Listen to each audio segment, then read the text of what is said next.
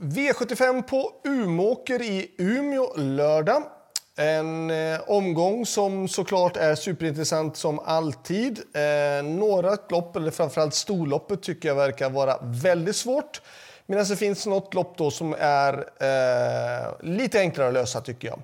Men vi börjar med V75 1 och jag tror egentligen att det krävs bara två stycken hästar. Och det är nummer två Chestnut och nummer sju Chitchat som jag tycker är mest intressanta på förhand. Eh, vill man gardera, ja då tycker jag i sådana fall nummer ett Maybach VF, tre Global Crusader och fyra Parker är de som är mest intressanta i sådana fall. Men eh, jag tror att det räcker med bara 2-7 i den första avdelningen. Avdelning 2 eh, har jag med nummer 4 Lucky Flevo och jag tycker att han gjorde ett bra lopp senast då när han vann på Solvalla. Jag tycker han varit med i ganska så tuffa lopp med en häst som är lite ojämn. Han har ju vunnit ett par lopp och varit väldigt, väldigt bra men så har han då blandat med lite galopper och inte fått det att stämma ibland helt enkelt. Ehm, jag tycker spår 4 är ett bra spår för hans del och jag tycker att 1600 meter auto också är till hans fördel. Ehm, det finns en bra motståndare, nummer 10, Jackpot, som besitter jättehög kapacitet som då hoppade bort sig på Örebro när han var väldigt hårt betrodd. Ehm, det är klart att det är en fördel för min del att han har bakspår och jag har framspår. Men jag tycker ändå att man bör ta båda dessa hästar ändå. Ehm, och det är en sak till som spelar faktiskt roll och det är faktiskt att Lucky Flevo aldrig varit ute på en långresa tidigare. Han har alltid startat typ Solvalla eller någon av de här banorna som vi har i närheten. Ehm, och nu då ska han resa ända upp till Umeåker och ha en övernattning och det är klart att det kan påverka en sån häst som han. Ehm, vill man gardera med ytterligare hästar, då tycker jag det är nummer två Alexis Hans, tre Roberto UR och nummer eh, sex Juan Sisu som jag tycker är intressantast emot. Ehm, så det var det.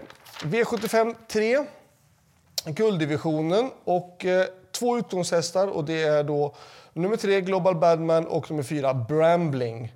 Ehm, vill man gardera på ytterligare kan jag tycka att det är intressant med att Born Unicorn har spår 1. Det skulle kunna lösa sig på något sätt. Det kanske är ett litet grann ett lyxstreck. Jag tror egentligen inte att han slår Brambling, till exempel, den andra stallhästen. Men med tanke på utgångsläge, Magnus Djuse som kör, um, kan få loppet, kan få det där perfekta loppet kanske från vinnarhålet eller tredje par invändigt. Och sen då en häst som vi alltid vet vilken kapacitet han har och det är då nummer 8, Very Kronos i sådana fall. Men 3-4 först, där bakom då 1-8 utan inbördes ranking skulle jag säga. V75 4 och eh, svårare. Svårt lopp. Um, två Heartbeat Thunder. Uh,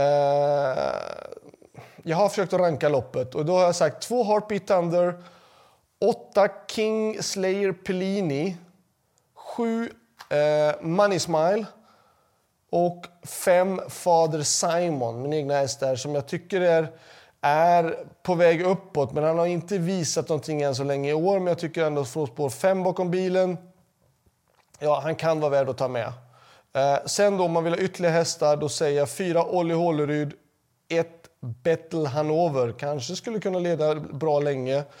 Och eh, om det nu blir en rejäl körning, då måste vi ta med någon med lite högre nummer och då väljer jag nummer 12, Moons Tornado.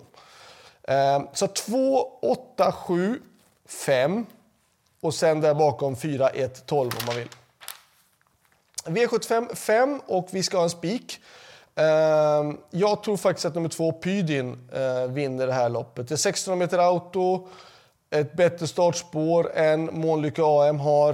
Eh, och jag tror, med tanke på hur Pidin har sett ut, så tror jag att han leder loppet eh, runt om. Eh, motbud såklart, sju Månlykke AM och fem Gorm säger jag i sådana fall. Då. Jag tycker det är intressant, barfota runt om och jänkarvagn kan vara intressant på Gorm. Eh, men tvåan är spikförslaget. Eh, själv så kör jag då nummer 10, Filip S glömde jag säga. Filip S är ju bra, jag har skapliga ryggar. Eh, jag tycker han gick bra på Solvalla när jag körde han då där i november. Men det är klart, bakspår på 1600 meter, det vet vi att sannolikheten är inte så stor att man vinner från det. Framförallt inte nu när det är så varmt ute och sådär. Uh, V75 6. Det här loppet ska ni lägga mest streck på. Det här är det svåraste loppet att lösa.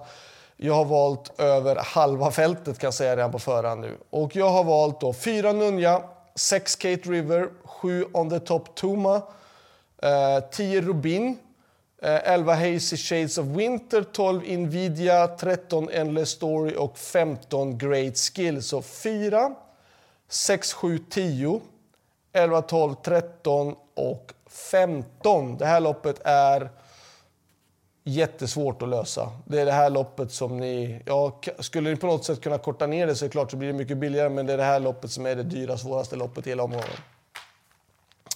V75 7 kommer andra spiken och det är väl som många andra såklart väljer att spika nummer två LL Royal. Um, han är startsnabb. Um, jag har en bra häst, nummer tre Frodo S, som är en av utmanarna om man vill gardera. Likadant nummer ett MT Oberon och nummer sex Santos de Castella.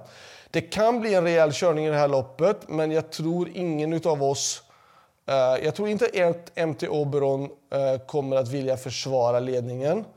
Eh, till LL Royal. Och jag tror inte Frodo S och Santos kan säga kan ta sig förbi LL Royal. Även om vi nu kommer försöka så tror jag att det kan vara svårt.